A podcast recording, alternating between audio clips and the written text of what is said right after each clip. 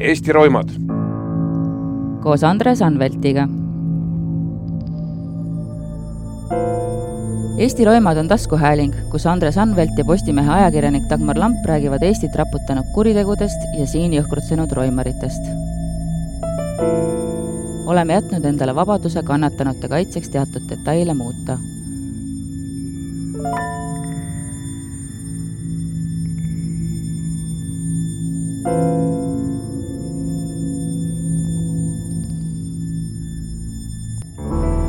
verised arvetõiendamised allilmategelaste vahel pole viimastel kümnenditel enam väga sagedased,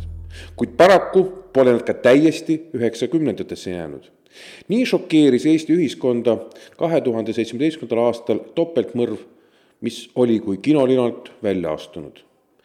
me lähme rännakule põrandaalusesse pokkeriklubisse, kust ei puudu ei alkohol, katuserahad, kokaiin ega ka julmad mõrvad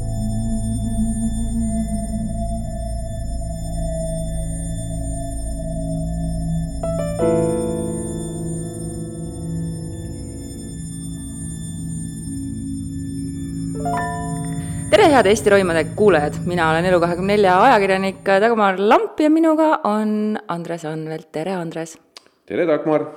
me viskasime siin nalja enne saate algust selle üle, et meie külalised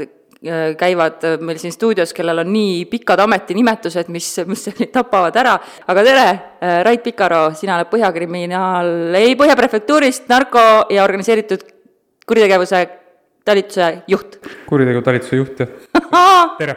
Läks hästi, täiesti. tegelikult, kui täisnimetus oleks pidanud olema see kriminaalpolitsei büroo narko ja organiseeritud. kriminaalbüroo, nüüd on lühem, kriminaalbüroo. täpselt no olgu, aga piisavalt lähedale. ja Rait on meil täna külas, et rääkida sellest üsna hiljutise, hiljutisest mõrvast, kus läksid kaduma, kuhu see rõhk läheb, Kemerovo Kem,? Keme, Kemerovo. Kemerovo, Kemerovo. Kemerovo Kemerovo grupeeringu ka keskastme juhid, eks ole nagu siin äh, minagi olen, äh, ehk brigadiirid Lauri Merimaa ja Sergei Bermanov, ütlesin õigesti või? Berma-, Berma-, Bermanov. ei, Bermanov. ja, ja ma kuulsin siin Lauri Merimaa kohta juba päris huvitavaid äh, lugusid milline ta oli, kui ta veel äh, elas. Äh, Rait, sa ütlesid noore politseinikuna, sa teda tänaval nägid ja, ja kuidas sa seda ütlesidki, et teda ümbritses teatud aura jah, täpselt nii oli, et ma mäletan tõesti, sellest on juba ilmselt paarkümmend aastat äh, möödas, kuigi ma ennast nii vanana veel ei tunne, aga aga mäletan tõesti noore kriminaalpolitseinikuna kesklinna politseiosakonnas töötades ja õhtuti ja öösiti seal oma ametiülesandeid täites oli tõesti liikvel selliseid erinevaid kirjusid kujusid ja kindlasti üks oli Lauri Merimaa, kes jäi oma olekult meelde, et äh, midagi ta seal ringi asjatas pidevalt, äh, asjad tundusid olevat olulised ja tähtsad ja tol ajal loomulikult ei, ei olnud mul aimu, et mis need, mis need sügavamad tagamaad on jah, ja lõpuks sai siis üks, üks tsükkel või ring jälle täis ja tuli tegeleda tõesti tema, tema mõrvajuhtumiga. Äh, kuidas see juhtum sinuni jõudis? Eks ta niimoodi kriminaalpolitseis pahatihti ikkagi, kui me räägime sellistest keerulisematest juhtumistest, juhtumitest, siis ikkagi sellist avaldust keegi kirjutama ei tule, et eks see meie nii-öelda varasemast äh, info ja teabe kogumisest välja kasvab, et, et äh, eks ta nii kord ka, nii, nii ka seekord oli, et, et enne, kui kui juba lähedased hakkasid teavitama meid, et, et nende, nende Ehm, lapsed või, või abikaasad ei ole tükk aega koju ilmunud, oli meil juba tegelikult selline kahtlus õhus ja, ja nii-öelda tõesti esimesed infokillud juba olemas, et midagi on valesti nende tavapärases nii-öelda tegevuses ja liikumis, liikumisrütmis. Ja, ja loomulikult eks on inimlik loota alguses, et ehk ei ole selle kõige hullemaga tegemist, aga mm -hmm aga kui asi juba seal paari päeva jooksul või jõudis ka Poseidoni põlengu ehk siis hiljem süütamiseni, siis hakkas juba meie jaoks äh, tekkima see nii-öelda kõige hullem kahtlus, aga jah, et äh, nüüd äh, tagantjärgi on väga hea peale kohtuotsust rääkida, et, et nii, nii see lugu pidigi minema, aga, aga väga pikka aega tõesti oli see selline, selline väga suure uurimisgrupi pikk pikk ja süstemaatiline tegevus, et aru saada, mis siis tegelikult nende meestega juhtunud oli, et, et see kõik samm-sammult toimus. ma vahepeal lihtsalt täpsustan siin, ka isegi minul on selle teemaga oma väga huvitav mälu, et kaks tuhat seitseteist sellel ajal, kui see asi toimus, oli Malta riigi eesistumine ja siseministrid olid kogunenud siis Maltal ja, ja siis mulle helistas politsei peadirektor, kes kand-, kannab noh, lihtsalt sündmustest olulisematest ette ja siis ta rääkis sellest Poseidoni põlengust ja võimalikust kahtlusest, eks ju, et see võib olla seotud isikute kadumisega. nii et me vist jõuamegi tegelikult selle asja nagu võtmeküsimuse juurde, et, et kumb oli varem, noh, öeldakse kas muna või kana, aga kumb oli nagu varem sündmus, nende kadumine, no olulisus nende kadumine või Poseidoni põlemine, kas Poseidoni põlemine tuli nende kadumise peale või, või seda tausta, et kuidas põleng sinna mängu tuli? No ütleme niimoodi, et ähm, äh, no tagantjärgi nüüd see on, see on päevade küsimus ikkagi oli see, et mis noh, seal ütleme, kui, kui mõrv toimus seal ütleme kuueteistkümnendal kuupäeval, nagu meil õnnestus ära tõendada ja põleng, kui ma mälu järgi ütlen, siis kahekümne teist mis asi siis? jaanuar, kuusteist jaanuar. kuusteist jaanuar. ja mm,, ja põleng oli kakskümmend kaks, kui ma nüüd mälu järgi ei eksi, et, et mm -hmm. ja tegelikult see ajavahe on niivõrd lühike, et olgem ausad, et need, need protsessid käisidki paralleelselt, et eks seal kui me räägime ikkagi kuritegelikust maailmast ja inimesed on kadunud, siis eh, noh, üks versioon,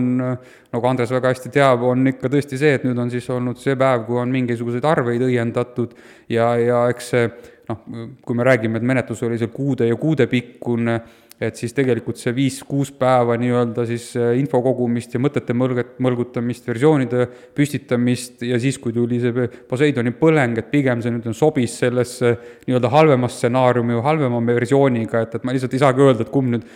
üks kinnitas teist, ütleme niimoodi, et, et see andis lihtsalt veel lisasuuna, et kus võis siis nii-öelda olla meie, meie otsitud sündmuskoht. nii et teie mm, ikkagi kõigepealt hakkasite tegelema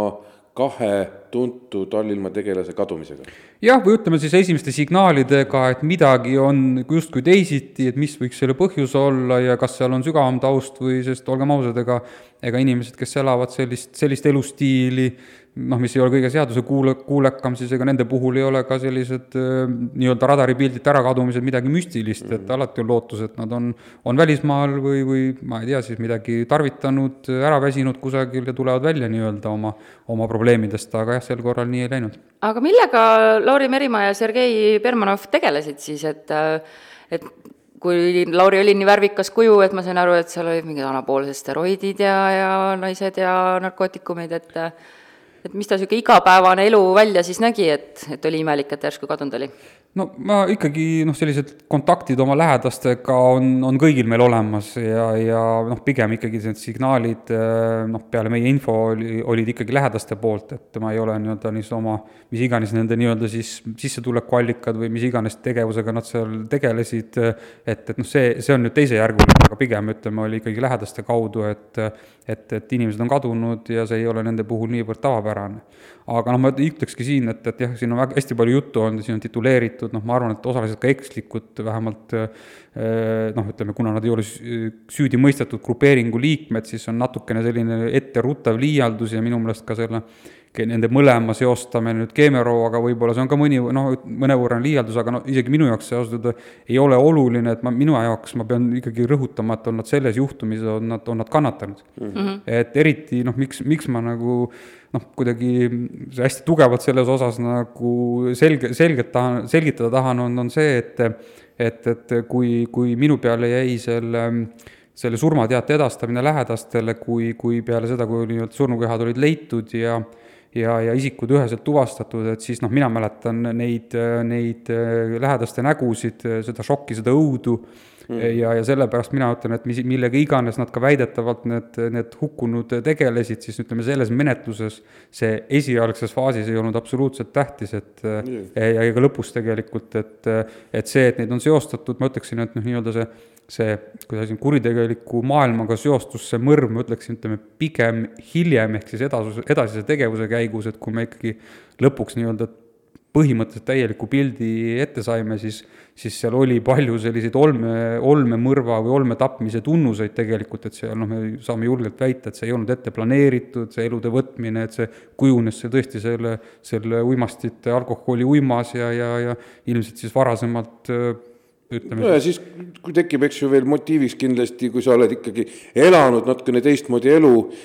siis emotsioon, eks ju, autoriteet, eks ju, kui sina ütled mulle kehvasti, kuidas ma siis ei vasta sulle, eks ju, mida me näeme ka mitte kuritegelikuks maailmas, me näeme seda, ma ei tea, ka harilikus ühiskonnas tihtipeale alkoholi käigus naabrid hakkavad ütlema, kelles ühel on suurem kui teisel, eks ju. lihtsalt jah, aga siin on küsimuski ilmselt ikkagi see viide sellele varasemale elukogemusele, võib-olla vanglakogemusele või selle, sellele nii-öelda subkultuurile, kultuurile, milles elati, et, et tõesti, et, et nähti, nähti siis nii-öelda mingisuguse verbaalse, no verbaalsena alanud probleemi lahendusena nüüd kahe inimelu võtmist, et see on see, mis nagu näitab seda ikka teo julmust ja seda, seda mõttemaailma ikka sellist ikka väga jõhkrat vähendumist juba. aga me oleme natuke sündmustest ette rutanud, et, et lähme uuesti tagasi selle äh, õhtu juurde või õigemini siis, kõigepealt tuli siis äh, signaal, et inimesed on kadunud ja siis äh, süüdati ööklubi Poseidon. mina Tartu äh, plikana ei tea üldse, mis see Poseidon on. et äh, guugeldasin, vaatasin, et senimaani töötab vist noh, ma arvan, et võib-olla paremad tulemused saada nii-öelda selle äh, koha siis ajaloost aimu, võib-olla peaks Lucky Luke sinna otsingusse panema, et tegelikult asukohana Äh, noh, eriti siin, kes, kes tõesti üheksakümnendaid mäletab, võib-olla kahe tuhandete alguses, ma nüüd siin täpselt kuu, nii-öelda aastaid ei mäleta, millal see aktiivsem periood on, et et asukoht, ma ütleksin, et no, no legendaarne on võib-olla liialdatud, aga tuntud ja, ja lihtsalt teise nime all siis uuesti üritati sinna elu, elu sisse puhuda, aga kahjuks noh, minu vaates jäi ta ikkagi selliseks, ka tagantjärgi vaadates selliseks ikkagi pätiurkaks rohkem mm. -hmm. et ühesõnaga teada-tuntud urgas, kus kogunevad inimesed, kellele meeldib tegutseda seadusevastaselt, ütleme siis nii. ja, ja pidutsesid inimesed, tuli pärast hiljem tunnistustest äh, välja aga, aga mis ikkagi see põleng siis või, või ma ei teagi, kas me, millal me sellest põlengust räägime? ma arvan, et räägime ennem ikkagi sellest äh, tülist ja, ja kuidas see kõik tekkis, sest äh, põleng oli ikkagi selle äh, okay, tagajärgede kustutamise. see on nii segane juhtum tegelikult. see me tahamegi saada, ütleme niimoodi selgeks ja, ja mm -hmm. Raiteki oskab meid ja meie kuulajaid siis valgustada. ja võtame siis kohe lisaks Laurile ja Sergeile, kes olid ohvrid, hiljem anti kohtu alla kaks ehitajat, venda Eerik ja Sten Kruusimägi ja, ja nendest paarkümmend aastat noorem äh, töötu Siim Turta, vahva nimega mees, polegi kuulnud niisugust nime varem. Äh, ja mis, mis siis juhtus? mis neid kokku viis? mis neid kokku viis ja mis, kuidas? No eks ta see oli ühine tutvusringkond, et tegelikult kohtualuseid oli lõpuks neli, oli seal ka Eduard Pavlutšenko, kes jäi hetkel Aha, mainimata. aga jah, eks see oli tutvusringkond, et, et ei jääks valet muljet, siis tegelikult see Poseidoni ööklubi baar ei olnud äh, sellel päeval, kui see sündmus juhtus, äh, niimoodi avatud siis kõrvalistele isikutele, et see oli nii-öelda nii erapidu, võib öelda okay., et ja tõesti, seal tuvastasime ära, kuidas siis erinevad seltskonnad erinevaid teid pidi sinna lõpuks siis kokku kokku sattusid ja, ja noh, eks ta juhusliku, juhuslikust kohtumisest nii-öelda alguse sai, see, see ühine teekond, mis lõpuks lõppes siis väga traagiliselt, aga, aga jah, see, neid nelja kohtualust äh, ühendab varasem tutvus ja, ja ja noh, enamus neist on sellise kuritegeliku taustaga, kes on noh, enamus neist ka vangis istunud, et et ju see on see ühine nimetaja seal. aga kellele, kas Kruusimäed olid kuidagi puutumuses selle Poseidoniga? just, nemad olid ikkagi omanikud. omanikud, eks, kuigi nad nimetasid ennast aa, okei okay., ja ma saan aru, et seal Poseidonis käis siis äh, ebaseaduslik pokkerimäng sel õhtul no täpsustan, et tegelikult pokkerit mängiti teises asukohas. aa, ma mõtlesin, mingi kus, soojak on veel, kus joodi alkoholi. ja ei, no soojak, soojak asus nüüd selles, selles samas äh, ikkagi Poseidoni klubis, aga jah, lihtsalt nagu mainisin, et see õhtu ei olnud nii lihtne ka hiljem äh, nii-öelda pusad kokku pannes, et, et inimesed liikusid, äh, puhkasid, veetsid oma vaba aega ja külastasid mitmeid kohti, kus jah, üks koht oli ka selline põrandaalune pokkeriklubi, aga noh, see ei olnud see sündmuskoht, et jah, sellest mm -hmm. lühikokkuvõttest on seda raske välja lugeda, aga aga ma, see ongi see situatsioon, milles ka uurijad alguses olid ja meie uurimisgrupp oli, et ega asi oli ääretult segane. palju oli liikumist, eks ju, ja kas vaheldusid ka seltskonna inimesed? absoluutselt ikka, seal seltskond kasvas, kahanes ja oligi raske aru saada, kes siis lõpuks nii-öelda see tuumik on, kes meid tegelikult huvitab. aga need Kruusimäed ehk omanikud olid siis algusest peale kaasas või kuidas lõpuks nad siis eh, ikka sinna Poseidonisse maha maandusid? noh, eks eh, mindi pidu lõpetama, et nende jaoks oli see siis koht, kus, kus minu meelevärga sai, sai süüa, juua veel, kus oli olemas ja, ja siis, kui nii-öelda varasema kohtumise käigus siis öeldi, et me, meie liigume sinna ja siis ülejäänud mm -hmm. seltskond siis liitus ka nendega seal noh, erinev, hiljem, ütleme niimoodi. nojah, mis juhtub ka täitsa normaalsete ja ilma kurjaga tausta inimeste, ütleme, peopanemise käigus, lihtsalt need lõpud on erinevad. aga mis siis sai? Sai, mis siis juhtus, mis seal siis kulmineerus? ma tahan vahele öelda, et ma vaatasin praegu järele, see oli teisipäevane päev. no ööklubid siis harilikult ei olegi väga aktiivsed. nojah, aga neil tundus seal olevat hull pidu. Aga no ju neil siis nagu on nad teistmoodi elud, et mina küll teisipäeviti ei saa lubada endale mingit kaardimängu ja, ja joomist soojakus, ütleme nii. nii et teisipäeval sa lubad endale ebaselgust kaardimängu, kokaiini ainult teisipäeviti mitte no nii, aga ja. jõuame tagasi, et eh, mis viis sinna eh, Poseidonisse, me saame aru, aga mis seal siis toimuma hakkas? jah, eks ikka noh, nimetame neid soodustavateks asjaoludeks alkohol, eh, uimastid, kindlasti, mis sellist riskikäitumist kuidagi soodustavad, et jah, nende tarvitamine seal käis ja, ja eks pidu venis sellisesse juba nii-öelda varast hommikutundideni ja, ja ja üks hetk nagu pahatihti jutub, juhtub, siis keegi siis pillas sõna või, või lause, mis ei olnud siis kuritegelikus maailmas selline kohane ja siis hakati seal nii-öelda siis nii-öelda ütleme siis üksteise tugevust mõõtma ja alguses verbaalselt ja lõppes, lõpuks tõesti päädis sellega, et äh, konflikt muutus füüsiliseks ja, ja ja ühel poolel oli selge ülekaal ja, ja see lõppes kahe inimese mõrvaga. nii et äh, arvatavasti ikkagi näitab seda kooslust see ei ole muidugi mingisugune kriminoloogiline tõde, aga minu väide ehk siis seltskond jagunes äh, ikkagi konflikti poolteks ja ühele poole ikkagi need, need, kes hiljem kadusid, keda siis on ka meedias seostatud oma mingisuguse mineviku või mingi grupeeringuga, aga ma küsin äh, ehk sellise täpsustava küsimuse, et,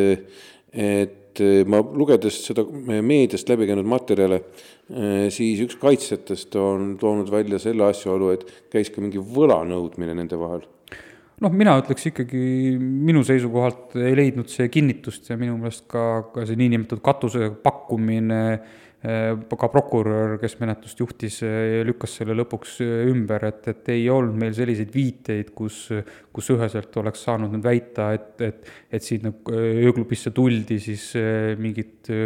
kuritegelikku tehingut tegema või raha nõudma reaalselt, et meie teada neil varasemalt sellised suhted puudusid ja, ja pigem ikkagi oli see sellise, sellise juhuste kokkulangemine, mis viis selle seltskonna kogunemiseni, et et ma arvan, et see on pigem osa sellest kaitseversioonist, et, et nüüd tuldi seal nii-öelda ebaõiglaselt mingisuguseid summasid nõudma ja, ja noh, see on selline lihtsalt, kasutatakse ära nende, nende hukkunute sellist äh, tausta ja nii-öelda tagantjärgi kuidagi oma tegu veidi kergemaks teha, et justkui, justkui oleks siis nii-öelda kurjategija või no siis kuritegeliku taustaga inimese mõrv kuidagi vastuvõetavam kui, kui tei-, tavalise inimese mõrv, et ma arvan, et see on ka noh, no inimlikult ma mõistan seda, ilmselt ka lähedased ikkagi küsisid, et, et, et nende, nende, nende tapjate käest või mõrvarite käest, et kuidas sa sellise asja tegid ja mis see põhjus on ja noh, väga raske on tunnistada, et lihtsalt nii-öelda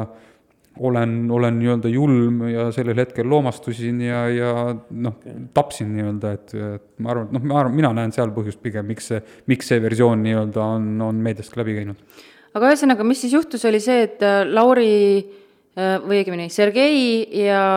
siis Sergei Bermanov ja, ja mis see oli, Eerik või Sten? Sten oli esimene. Sten läksid omavahel kaklema ja Sergei jäi alla ja siis äh, käskis keegi kellelgi ära tappa, ahah, et eh, vanem vend Eerik Kruusimägi oli käskinud siis eh, Lauril Sergei ära tappa. Jah, see oli üks, üks selline moment, mis, mis, eh, mis jah, ütleme niimoodi, tõendite põhjal võib, võib seda, võib seda asjade kulgu umbes selliselt kirjeldada, et, et tõesti esimene füüsiline konflikt oli ära ja siis survestati siis Lauri Merimaad siis oma sõpra, sõrp, sõpra tapma. kes juba oli kakluses alla jäänud? absoluutselt ja kes tegelikult juba oli nii-öelda mingit füüsilist vastupanu enam ei suutnud ammu osutada ja jah, tõesti, ja seal oli noh, usun selle, seda versiooni, et, et, et seal taheti kuidagi, kuidagi veel Merimaad sinna suruda sellesse situatsiooni, aga kuna ta kuna ta ei allunud sellele survele, siis, siis mindi nii-öelda siis edasi tema kallale? tema kallale ja, ja ja ma saan aru, et seal olid mängus golfikepid, kokkupandavad toolid, nukirauad, kõik, mis käepärast. kõik, mis käepärast, jah. jah, jah, aga ikkagi surma... üritati ka tulistada, aga pauku ei tulnud? jah, isegi mingi pauk käis, aga me ei, ei suutnud näidata, et seal oleks olnud äh, tuli, laskevigastust, tulirelvavigastust või, või ka kuuli kuskil seal selles sündmus, sündmus, sündmuskohal, et me otsisime selgelt, aga, aga noh, ikkagi saatuslikuks said, said noahoobid et mm -hmm. jah, mhm. kõike muud seal nii-öelda vastupanu murdmiseks kasutati seal erinevaid esemeid, aga, aga tegelikult ikkagi ekspertiis näitas meile ka peale neid kuid ja kuid seal selles äh, hauas viibimist, äh, näitas meile selgelt ära surma põhjused ja need olid äh, üle kümne nohaava kummalgi. kas kummalgi, jah? mõlemal. muidugi siin on selline olemas teatud, mida me, ma arvan, et paljud kuulajad on näinud ka võib-olla sellistest klassikalistest maffiafilmidest või mõrvafilmidest, kus eh, ma lihtsalt kuulan eh, praegu Raidi juttu, seesama asi, et, et eh, peale se-, peale seda, kui nad on ühe ära sisuliselt juba tapnud, eks ju, või vigaseks peksnud või koomasse, nagu öeldakse, viinud inimese, siis tema kaaslast tal tegelikult antakse valik, tegelikult kui Merimaa oleks ta ära lõpetanud, võib-olla oleks ta ellu jäetud, sest oleks olnud seotud asjaga, aga see on kõik oletus. ma lihtsalt ütlen, et see on selline eh, klassikaline süžee, kus siis eh, pannakse valiku ette tema enda eh, kaaslane selleks, et siduda teda kuriteoga, et see võib olla selline käik, mis muidugi oleks vabastanud Merimaad võib-olla sellest raskest saatusest, aga see on puhtalt minu väikene spekulatsioon aga mis sel, edasi juhtus, jah? sel hetkel olid siis kuus inimest seal Poseidonis. see toimus Poseidonis, eks? jah, see toimus Poseidonis, et noh, võib-olla tehniliselt oli neid seal rohkem, aga ütleme jah, sündmusega vahetuses, vahetuspuutumises oli kuus inimest, et seal tegelikult ruumid on suuremad ja seal võis olla inimesi, kes, kes seal samal ajal viibisid, aga, aga kes lihtsalt ei olnud ilmselt teadlikud, mis, mis toimub. okei okay,, sest et jah, kui ma selle kohta lugesin, siis oligi, mul oli väga segane see, et kuidas meil aastal kaks tuhat seitseteist on olemas selline ööklubi, kus äh, lendavad toolid ja golfikepid ja nukkirauad ja kuus inimest omavahel kaklevad ja neist kaks äh, hukatakse ja samal ajal siis pidu käib edasi, et, et aga kui oli kinnine pidu ja juba olidki võib-olla, kui üldse oli seal keegi, siis pigistati silmad kinni, pöörati teisele poole. noh, me ikkagi need, kes olid ikkagi otseselt seotud asja, asjade, asjade kulguga, kuluga olid, saime ikkagi teada, et ma arvan mm, -hmm. kes, kes ikkagi seal nii-öelda mm, käe tõstsid teise vastu, need on ka üheselt välja selgitud, et siin midagi nagu teadmata meil ei jäänud, et aga jah, ma ütleksin, et linnahall sellise, kus see Poseidon asus, sellise asukohana noh, ütleme niimoodi, ega seal hoone on niivõrd tohutult suur ja see, see klubi avaneb sinna mere poole ja, ja sel sügaval öisel ajal täiesti võimalik, et ka suuremat lärmi, lärmi ei ole võimalik kuulda ja ja ka tulirelva või ükskõik siis mingi stardipüstoli lasku ei pruugigi olla kuulda, jah ma, ma lihtsalt, see on nii lähedal äh, ajaliselt ja ka füüsiliselt, sellepärast see on kuidagi, no tõesti ongi šokeerivam, kuigi me oleme rääkinud ikka tõesti väga, väga räig-, räigedest tasub teinekord jalutada linnahalli piirkonnas, ma olen ma jalutan seal ma... seal on, ma arvan niimoodi, et äh, seal äh, paremal ja vasakul külje peal on süstalde kontsentratsioon tihedam kui võililledel. nii et see on juba iseenesest kujunenud kahjuks selliseks linna äh, mingil määral häbiplekiks ja, ja meelitab sinna kohale igasugust elementi ja kui seal on veel ööklubi ka sellise kahtlase väärtusega, sest Lucky Luke, millest eh, mina mäletan üheksakümnendate aastatest, see oli küll väga kuum koht, aga siis oli linnahall ka palju kuumem koht veel. aga eh, ma, jõudes nüüd tagasi sellesamasse sündmuse juurde, mis siis edasi sai, nüüd olid neil kaks laipa, kuidas nad edasi tegutsesid? Ja eks seal tuli nüüd kohe hakata siis oma jälgi peitma, et, et kunagi ju ei tea, kas, kas on keegi tulemas otsimas, äkki on kuskil keegi, kes teab, kuhu mehed läksid ja, ja no seal ikka ajaline faktor hakkas kohe tegelikult selga suruma ja sundis tegema selliseid kiireid otsuseid, et et hakati siis ühiselt seal kuriteo jälgi hävitama, et selleks kasutati seal noh, kõikvõimalikke meetmeid, et küll võeti vaipkatet üles, küll värviti vahendid, hangiti erinevaid tõesti tarb-, ehitustarbeid, puhastustarbeid, et et hakata siis oma jälgi võimalikult kiiresti ära peitma, loomulikult oli laipadest vaja, vaja vabaneda ja ja olgem ausad, sellises väsimus- ja joobeseisundis need, need vead, mida meie siis hiljem saime tõendamiseks ära kasutada, ka sisse tulid ja, ja ja tõesti, seal loetud, loetud tundide jooksul siis, siis hakati otsustama, et mis, mis laipadega teha ja neid hakati siis, siis järgmisel, järgmise kahekümne nelja tunni jooksul siis ära transportima Tallinna linnast, et et esialgne otsus oli siis, et need viiakse siis Viljandimaale sinnakanti, kus siis vennad Kruusimägid pärit olid. see oli mingisugune nende jaoks kindel koht või, või miks, see on ju tegelikult väga suur risk, et see on, minul alati tekitab uudishimu selline asi, et ka kurjategija kuskilt Tallinna, Põhja-Tallinnast Viljandimaale kus Tallinna ümber on igasuguseid piirkondi, kus on ajalooliselt laipa peidetud väga palju, et et miks see huvitav, miks just selline kauge, isegi eh, endaga seotud eh, asupaik? no ta ei olnud otseselt nüüd vendadega seotud, sest tegelikult see talumaja, kust lõpuks siis surnukehad eh, leidsime, tegelikult ei olnud neil mitte mingis, mingisugust äh, seost nende vendadega, jah. kuidas sa viid siis suvalisse kohta või kust nad nagu no piirkonda nad siiski tundsid, ütleme niimoodi, et neil ei olnud otsest seost, aga ütleme, nende vanemad elasid linnulennud seal, seal noh. no nad teadsid, et seal on see... mingi talu, mis oli maha jäetud siis või? Nad teadsid piirkonda, kuhu nad lähevad ja neil oli ilmselt mitu peatust tee peal meie teada, kus siis valiti eh, kohta, kus oleks siis nii-öelda võimalik tegutseda selliselt, et keegi ei näe Nad ei sõitnud otse sinna sellesse tallu, aga otsingute tulemusel siis leidsid nad siis noh, ütleme, ma ei, pooljuhuslikult on palju öelda, aga, aga leidsid, leidsid koha, kus, kus oli teest piisavalt karja, varjatud ja kus oli näha, et kedagi pidevalt sees ei ela ja ja, ja seal tõesti nad tegid sellise külmaverelise otsuse siis tõesti võtta see laipade peitmine, mitte lihtsalt nad maha visata, aga nad kaevata kõrvalhoone, lagunenud, laguneva kõrvalhoone põranda alla ja täiesti väga sellisele korralikule süva, sügavusele, et nende, nende selle sündmuskoha töö käigus selle, nende surnukehade kättesaamine oli äärmiselt keerukas. ikkagi laudis, ehitajad? laudis oli ka ikka, põrand oli ei, seal ei olnud laudpõrand, seal oli lihtsalt selline muldpõrand segatud, ütleme, mingisuguste vanade telliskividega, mis olid ka tagasi, ütleme, võib-olla vana ahjukoht, midagi sellist, et mis oli, aga noh, see oli visuaalselt, ma ütleks, oli võimatu sealt aru saada põgusal vaatlusel, et seal on midagi muudetud et ma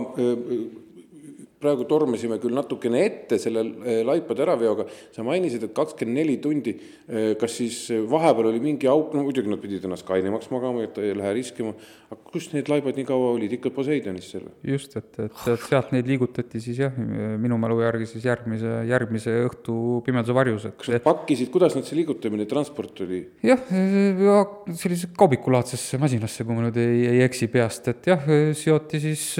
kilekottidesse ja, ja ja niimoodi väga robustselt ja ma ütleksin ka filmilikult see toimis, toimuski, et tõsteti varjus autosse ja hakati sõitma. ja tegid seda kaks venda või võttis see seltskond, see suurem seltskond? see on, see on nüüd see kogu, kogune see neljane seltskond, et äh, no, Pavlitšenko, Siim Turta ja, ja aga, aga need äh, Kruusimägid, äh, kes tunduvad siin olevat niisugused organisaatorid rohkem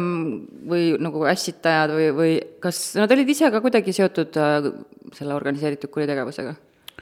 Või lihtsalt majutasid neid pidulisi erinevatest algmakihtidest? ma ei nimetaks neid äh, seotuteks organiseeritud kuritegevusega, et jah, äh, ma ütlen, üks vendadest ju tapmise eest äh, vanglas istunud, et nad ei olnud selles nii-öelda selles kuritegelikus maailmas mitte mingisugused uustulnukad, aga noh, ma nüüd neid nii-öelda grupeeringu liikmeks kindlasti ei tituleeriks, et aa, nii et neil oli midagi kall ka, jah? absoluutselt, et ega noh, ma ütlen, ma arvan, et ka see tegude jõhkrus ja, ja see, ka seesama laipade peitmine ja kõik see, noh, mina loen sellest välja sellist tuge-, tugevat, tugevat kuritegelikku närvi ja kogemust, et, et noh, ma arvan, et kõigi nelja vangla-aastat kokku panna, siis noh, kahekohaline arv kindlasti tuleb kokku, et, et seal seda kuritegelikku kogemust oli väga korralikult ja, ja see ka nii-öelda siis üritati realiseerida selliselt ja mitu kuud ka nende see tegevus ka siis kandis vilja, et me ikka läks väga palju, väga hulk, paljude inimeste, uurijate tööd, et, et selgitada välja, kuidas see asi siis tegelikult oli. aga nüüd seesama eh, sündmuste ahel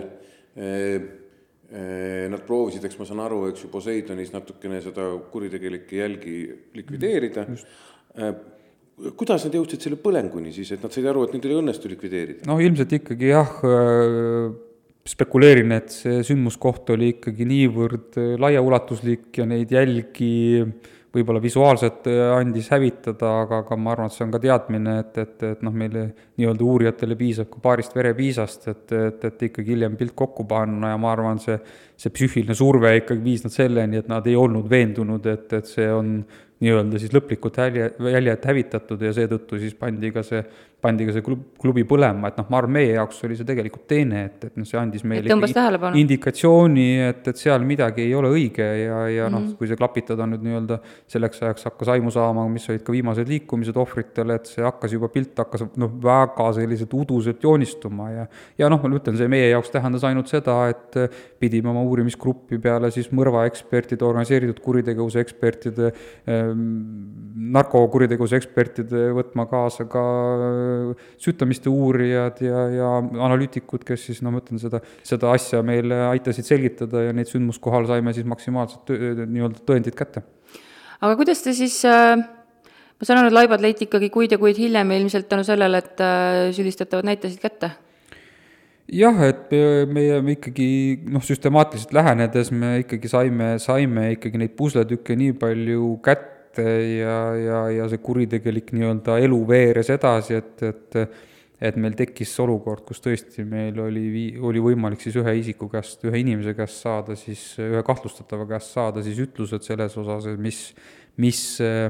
mis toimus seal klubis ja kus, kus suunast peaks ka, ka, ka surnukehasid otsima, et me tegelikult tegime ju ennetavalt juba äh, juba maastikuotsinguid ka siin, ütleme siis mõningates analüüsi põhjal eh, noh, ütleme siis huvipakkuvates Harjumaa piirkondades ja, ja noh, ma ütlen, me võtsime ikka väga suurelt väga paljude inimestega ette, et, et, et teha juba kõik endast olenev, et, et kui need surnukehad oleks kuidagi nii-öelda siis sellise mass- või jalatööga leitavad, et need oleksime seda leidnud, aga üha selgemaks sai, et, et need ei olnud kuskile lihtsalt nii-öelda siis visatud või pandud, vaid ikkagi väga konkreetselt ära peidetud. aga kui kakskümmend kaks oli põleng, eks ju, kakskümmend kaks jaanuar, Poseidoni mm -hmm. põleng, siis eh, kas, kui see teade tuli, kas kakskümmend kaks, kas sul või sinu tiimil eh, te juba reageerisite sellele põlengule mingi ala teadmisega, et see võib olla seotud selle sündmusega või algus oli see lihtne mingi põleng ja teile jõudis see arusaamine mõned päevad hiljem või kuidas? no see ei olnud päevade vahe, aga jah, ma ütleksin niimoodi, et kui päris täpne olla, siis minu mälu järgi oli ikkagi, et, et esialgu oli ta selline tavaline põleng, mille põhjus ei olnud selge ja kuskil ütleme, ma ütleksin noh, kuueteist tunni jooksul oli meil selge, et, et seal peab ikkagi vaatama vaatama seda sündmuskohta oluliselt põhjalikumalt ja, ja me ütleme, veetsime sellel, sellel Poseidoni sündmuskohal, käisime ikka korduvalt ja korduvalt noh, nii enne kui peale laipade leidmist ja, ja, ja noh, ma ütlen, seal me võtsime nii-öelda maksimumi ja, ja noh, me ütleme, nägime mingisuguseid viiteid, et seal, seal on hävitatud jälgi ja, ja lõpuks siis, kui me juba leidsime ka sealt talukaevust muid esemeid, mis olid siis nii-öelda kahtlustatavate poolt sinna visatud, siis, siis me suutsime nii-öelda siis need, nii-öelda tükid omavahel kokku panna, et me saime. sündmuskohast, sündmuskohalt verd või DNA-d leidsite? me leidsime erinevaid, tegelikult me leidsime ka narkootikume, kui me seal otsisime, no mis tuli välja, et, et ei ole asjasse puutuv otseselt sellesse juhtumisse, et me seal esitasime kahtlustuse ka, siis äh, Erik Kruusimägi abikaasale, mis ei leidnud kinnitust hiljem, et, et, et noh, tegelikult seal me, me neid jälgi kogusime ja ega nüüd nagu mainisin, aineid leidsime erinevaid, aga, aga aga pigem me nii-öelda edasise menetluse käigus välistasime ära, et, et midagi sellist, mis nüüd oleks meid otseselt edasi aidanud kohe noh, hiljem tuli, tuli neist kasu, me saime öelda, kes on sündmuskohal ja kui me juba suutsime nii-öelda siis surnukohade leiukohast leitud asjad viia klubiga kokku, siis noh, loomulikult see, kõik see varasem töö kandis vilja. aga ma mõtlengi just seda, et kannatanud eh, märki sealt esialgselt mitte, ütleme niimoodi, et, et et selles mõttes neil siis õnnestus ikkagi need jäljed, aga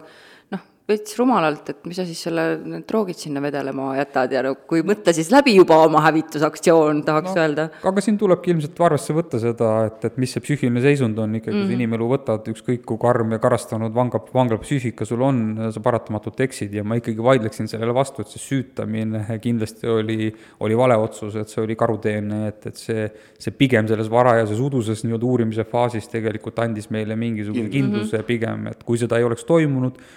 ma ei tea, millal me sinna sündmuskohale oleks jõudnud, et, et aga õnneks noh, selle üle ei pea väga pead murdma praegu. aga kuidas te siis ikkagi, äh, sa enne ka mainisid, et sina andsid lähedastele surmateate, millal äh, te olite veendunud, et inimesed on päriselt tapetud, millal sa lähed kannatanutele või ohvri perekonnale ütlema, kas selleks peab ikkagi surnukehad leidma Kindlasti. siis ikkagi kinnitama? jaa, kindlasti, et loomulikult ei, ei, ei saa ja ei tohi ennetlik, ennatlikult lähedaste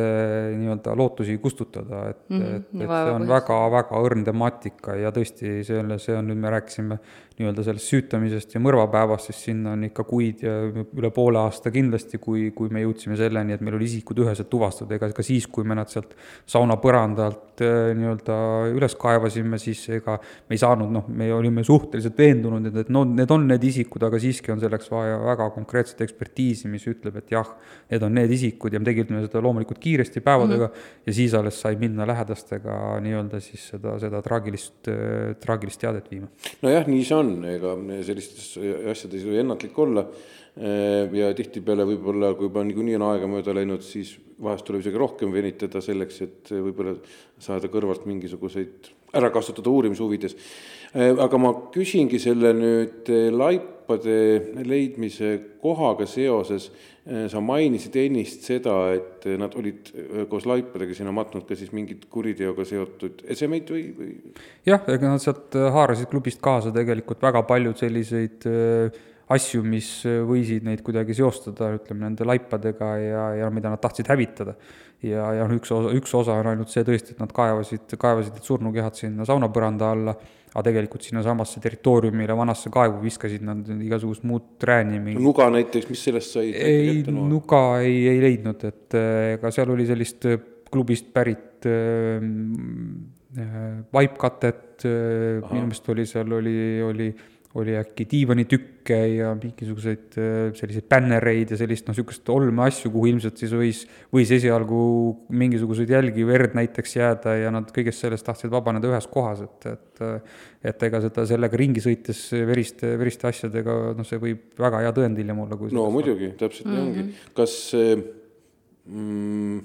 nüüd ette rutates võib-olla või õigemini jõudes isegi kulminatsioonini äh, kinnipidamine toimus teil siis peale laipade leidmist eh, kas kohe või, või palju see ajavahe? no me võtsime ikkagi jah, see, see oli, äkki oli circa nädal, noh, jään nüüd kuupäevad täpselt võlgu, et mm, -hmm. et jah, see, see oli järgmine liigu-, liigutus, et tegelikult meil tõesti oli hästi oluline teha nüüd korralikult ära nüüd siis nende, nende olemasolevate tõendite vormistamine ja siis meil tõesti oli vaja juba, juba kurjategijaid kinni pidama hakata ja jah, kaks tükki, kaks tükki nii-öelda, Siim Turta viibis juba varasemalt vahi all, vennad Kruusimägid jah, pidasime kinni ja, ja Eduard Pavlutšenko kättesaamisega välisriigist läks veel natukene aega, aga, aga jah, see aga tema oli riigist lahkunud? ta oli lahkunud jah, absoluutselt. Siim Turta istus millegi muu eest? jah, tema istus juba selleks ajaks narkokuriteo kahtlustusega, et ahah, selge, siin on, tekib loogiline seos äh, äh, kõiges selles, aga Kruusimägi, Pavlitšenko, Turta, kuidas nad siis eeluurimisel käitusid, kas nad mingil hetkel siis ka äh, murdusid, rääkisid ei... ma saan aru, et keegi oli juba ju alguses andnud ju vihjeid ja üles tunnistanud, et minge sinna Sepa Aadu tallu otsima. jah, ütleme niimoodi, et äh, minu mälu järgi oli umbes selline jada, et, et ega ega Siim Turta noh, ütleme viibides juba vahi all, siis tema olukord, ma arvan, läks juba niivõrd keeruliseks ja, ja terendas ikkagi, me olime selleks ajaks juba nii palju tõendeid kogunud, et terendas see, et see, see kogu see lugu hakkab nii-öelda tema kraesse kukkuma ja, ja, ja tõesti, ma arvan, et ta tegi ainuvõimaliku ja mõistliku otsuse, et, et, et seal on vaja ütlused anda. Ja sealt pealt me saime siis juba minna nii-öelda avalike toimingutega juba palju-palju konkreetsemaks ja, ja selle tagajärjel õnnestus ka, ka surnukehad leida, aga aga samamoodi ka Pavlitšenko tegelikult rääkis peale, peale kättesaamist lood täpselt niimoodi lahti, nagu noh, nii palju, kui see võimalik on, siis meenutada ja nii palju, kui on võimalik nii-öelda siis ennast süüst-, väga palju süüstamata tõtt rääkida ja need ütlused klappisid ja, ja vennad, vennad Kruusimägid muidugi kuni lõpuni eitasid oma, oma sellist ka kohtus? ka kohtus, et, et noh, seal ütleme, Sten võib-olla oli valmis seal eh, mingit osa siis nii-öelda enesekaitseks tapmist eh, osa, omaks võtma, aga, aga noh, ma ütleks, et see oli kindlasti selline ainult nii-öelda kaitsetaktikaline liigutus, et sealt eh, kuidagi, kuidagi üksteise saatust kuidagi kergendada ja võib-olla siis üks surnukeha ühele nii-öelda ja teine siis kuidagi teise, kellelegi teisele nii-öelda siis hinge peale panna, et kuidagi seda topeltmõrva kuidagi siis noh, vähemalt juriidiliselt vältida, aga Vältida ei õnnestunud. aga siit tekibki ju seesama, kui nüüd vaadata äh, vähemalt meediakajastusi ja siin äh, nende kaitsjate, siin Andres Simsoni ja, ja, ja teise äh, kaitsetaktikat, siis ma äh,, äh kas ma mõistan õieti, et ka uurimise käigus või vähemalt kohtus ikkagi sellesama mõrva puhul tõusis äh, esile äh, nii-öelda äh, taustade seotus organiseeritud kuritegevusega oli see niimoodi või ma eksin? just, et ma ütleks, et jah, et loomulikult, et ei, ei, ei saa nüüd Merimaad ja Bermanovi kuidagi nii-öelda siis noh, jätta nendega seoses mainimata, et noh, politsei on võib-olla inimesed ka dokumentaalselt tõestama, et, et sellised kuritegelikud sige, sidemed olid olemas aga jah, ma ikkagi ütleks, et noh, ütleme, kui me oleme rääkinud seda kuriteo kulgu, siis tegelikult noh, see, need, need seosed alles muutusid oluliseks peale seda, kui mehed kadunuks jäid, siis tegelikult tõesti nende tuttavad, nende seosed, nende sidemed hakkasid ka siis nii-öelda siis mitteametlikult uuri-, mit-, mitteametlikku mm. uurimist läbi viima paralleelselt politsei uurimisega, loomulikult tekib küsimus seal nii-öelda siis erinevates inimestes, kes, kes võib-olla ei ole kõige ausamad, kellel on kuritegelikud ärid, et kas see on rünnak nüüd siis terve siis nii-öelda seltskonna, grupeeringu vastu ja noh, sealt kindlasti see nii-öelda see organiseeritud kuritegevuse vaade nii-öelda tekkis sinna taha, aga ma arvan, et seda tuua sisse nüüd kuidagi selle tapmise põhjendusena, et ma arvan, et see on, see on liialdus minu vaates mm. -hmm ja Eerik Kruusimägi sai kakskümmend aastat, Sten sai viisteist aastat, ma olen väga tubli olnud ja olen ainult kaks karistust kirjutanud üles siia dokumentidesse, et palju see Siim Turta võis saada, Pavljutšenko? noh, siin tulebki natuke juriidikaks, juriidikasse minna, et, et tegelikult tõesti selle mõrva, mõrva eest mõisteti süüdi nüüd tõesti vennad ja, ja teised siis nii-öelda nii Pavljutšenko kui Turta, nad isegi ei olnud kaasosalised, okay. et nemad said seal, kes siis Äh, laiva hävitamisele kaasaaitamise eest, kes sai seal füüsilise nii-öelda siis kehalise väärkohtlemise eest, et kellel jäi siis varasemast mingi narkokuritegu ja ühesõnaga, et need paketid nii-öelda, mille eest karistada saadi, saadi, on, on erinevad, aga aga selge on see, et noh, koht, kohus nagu ikka on, on aus ja õiglane, et, et ikkagi põhiline põhilised ja kõige raskemad karistused said ikkagi vennad Kruusimägid, nii nagu ja Erik Kruusimägi oli siis see, kellel juba oli tapmine all varasem mm? -hmm. minu mälu järgi küll. et kui tal on ka karmim karistus kakskümmend jah, prokurör mhm. küsis mm, -hmm. menetlust juhtinud prokurör küsis lausa eluaegset äh, karistust, eks see näitab seda noh, ikka teo ikka väga, väga suurt jõhkrust. no kakskümmend on jah, ega seal ongi no, kakskümmend eluaega. ütleme niimoodi, viimane võimalik aste ennem eluaegset mm. -hmm et vahepealsel võimalust ei ole, eks ju, nii et, et antud juhul aga miks ta siis ikkagi eluaegset ei saanud, et mis seal no seda peab kohtult küsima, ma arvan, aga no, tavaliselt nad põhjendavad ju. kui lihtsalt vaadata kõrvaltvaatajana, noh esiteks ma arvan seda, et äh, mulle vähemalt tundub äh,, et esiteks vaadatakse ju ka äh, Eh, kuidas ma ütlen siis, kahte inimest kahe inimese mõrvas, mis peaks eluaegselt anda, on ju väga raske mm. -hmm. ja selliste tegude puhul, eriti ma kujutan ette, see oli joobes, narkolaksu all, kõik muud asjad, eh, nüüd täpselt ära jagada sellele kahe venna vahel isegi on ju minu meelest peensusteni väga raske, kes on ikkagi see täpselt melu kustutaja ja sest ega need ütlused ei ole nii selged kui mõne Eh, näiteks sellise lihtsama kuriteo puhul, ma arvan niimoodi, sellepärast et eluaegse andmine on ikkagi kohtunikul suur vastutus ja ta peab ikka endale väga selgeks tegema selle, et ta usub sada protsenti, eh, tema jaoks on tõendatud sisemiselt mm, -hmm. et see sündmus toimus just nüüd ütleme selle äh, inimese poolt, kes siis, kellele peab määrama seda kakskümmend aastat niivõrd jõhkralt ja tema eestvedamisel. aga kohu, kohtuotsus kuulutati välja veebruaris eelmisel aastal, nii et äh, kaua, kaua teil menetlustoiminguteks läks, et see oli niisugune pikk lugu, sa oled korduvalt maininud, et äh, jah, et eks seal noh, hulk inimesi nägi hulka vaeva, et, et tõesti, et seal erinevaid menetlusi tegelikult oli ju mitmeid, et noh, eks me kontrollisime eri, erinevaid versioone ja, ja kui me võtame nüüd tõesti, et kui kaks tuhat seitseteist alguses see mõrv aset leidis, siis ja kaks tuhat üheksateist leidis ta niisuguse kohtuliku lahenduse, et et see menetlus on tõesti ikkagi selline ka ka uurijate jaoks ikkagi erakordselt pikk ja kurnav ja, ja, ja ikkagi, kui on, kui on seal tegemist ikkagi isikuvastase kuriteoga, seal on lähedaste huvisid vaja kaitsta nii-öelda, et see on, see on ka selline emotsionaalne teekond tegelikult, et mm -hmm. aga jah, tõesti, see, see kestis menetlus nüüd algusest lõpuni viimaste toimingutega tõesti üle aasta kindlasti. ma tahan veel lõppu küsida seda, et äh, kuidas sa isiklikult ise hakkama saad selle emotsionaalse raskusega, mis on, kui sa peadki vaatama ohvri lähedastele silma, andma kurbasid uudiseid, et äh, mis on sinu need viisid, kuidas sa üldse nii pingelise tööga hakkama saad? Noh, õnneks alustame sellest, et õnneks on ikkagi sellised, sellised jõhkrad mõrvad on ikkagi tavatud ja, ja see ei ole nüüd iga päev, pead andma siin mitmeid teateid edasi, et aga eks see, see käib selle politseiniku töö juurde, kriminaalpolitseiniku töö juurde eriti, et eks, eks sa pead võtma sellest, sellest kohutavast vaatepildist, kui, kui lähedased nii-öelda sinu silme all lagunevad, pead võtma sa kaasa selle motiveeriva osa, et, et noh, sa pead selle tegema siis kõik selleks, et see õiglus jagu, jalule seada ja nendele inimestele maksimaalselt rahu anda ja jätma mm -hmm. kõrvale nüüd selle tõesti selle kohutava inimliku traagika, mis ma arvan, igale ühele noh, kellel elementaarnegi empaatiavõime on, noh, peaks nagu tõesti sinna kõrvale samamoodi nii-öelda lagunenult maha jääma, aga, aga noh, sealt, sealt tuleb lihtsalt edasi minna ja pigem keskenduda ikkagi sellele positiivsele, et noh, noh, ilmselt see lähedasi ei, ei, ei lohuta mitte mingil viisil, aga, aga see, selles konkreetses loos on selgus majas ja õiged inimesed on pikaks ajaks vangis ja noh, tuleb keskenduda sellele ja siis järgmine kord need omandatud kogemused jälle jälle töösse panna, et, et, et ma arvan, et see mhm. kehtib kogu meie uurimisgrupi kohta. ma arvan, see on politseitöö alus, üks asi on see, et eh,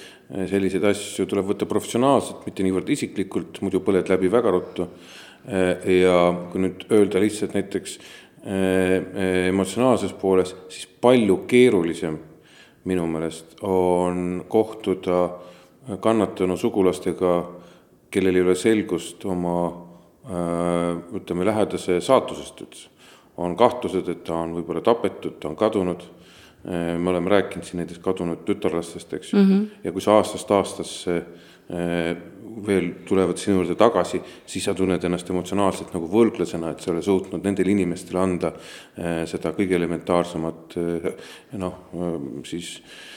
olukorda tagasi, et ta teab mm -hmm. teadlikkust, et need on veel palju hullemad, aga need on, ma arvan, juba mingid teiste saadete. jah, aga lõpetame siis niivõrd positiivsel noodil, kui me saame, et nagu sa, Rait, ütlesid, õiged inimesed on pikaks ajaks kinni läinud ja õnneks ei ole sellised äh, jõhkrad mõrvad ikkagi meil enam ammu igapäevased asjad.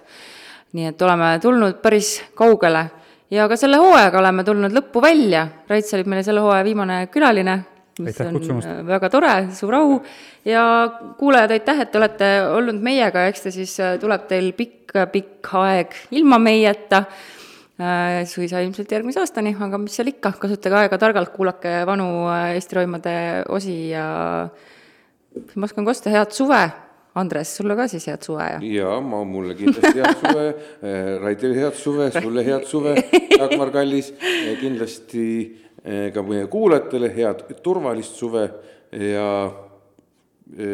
ärge käi-, ärge käige väga kahtlastes ööklubides. hoidke endast eemale. mängige sõpradega pokkerit ja ärge tarbige kahtlasi aineid olgu, aga teeme siis praegu nägemiseni ja kohtume juba järgmises hooajas. Eesti roimad.